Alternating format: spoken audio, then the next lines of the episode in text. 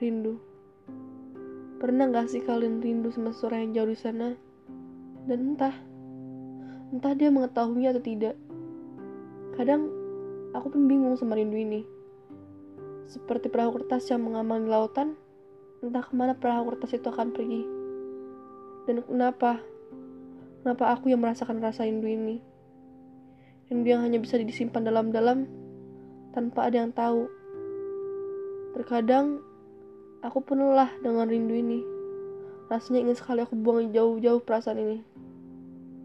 Perasaan di mana aku merindukan seseorang yang entah aku pun tak tahu di mana ia berada.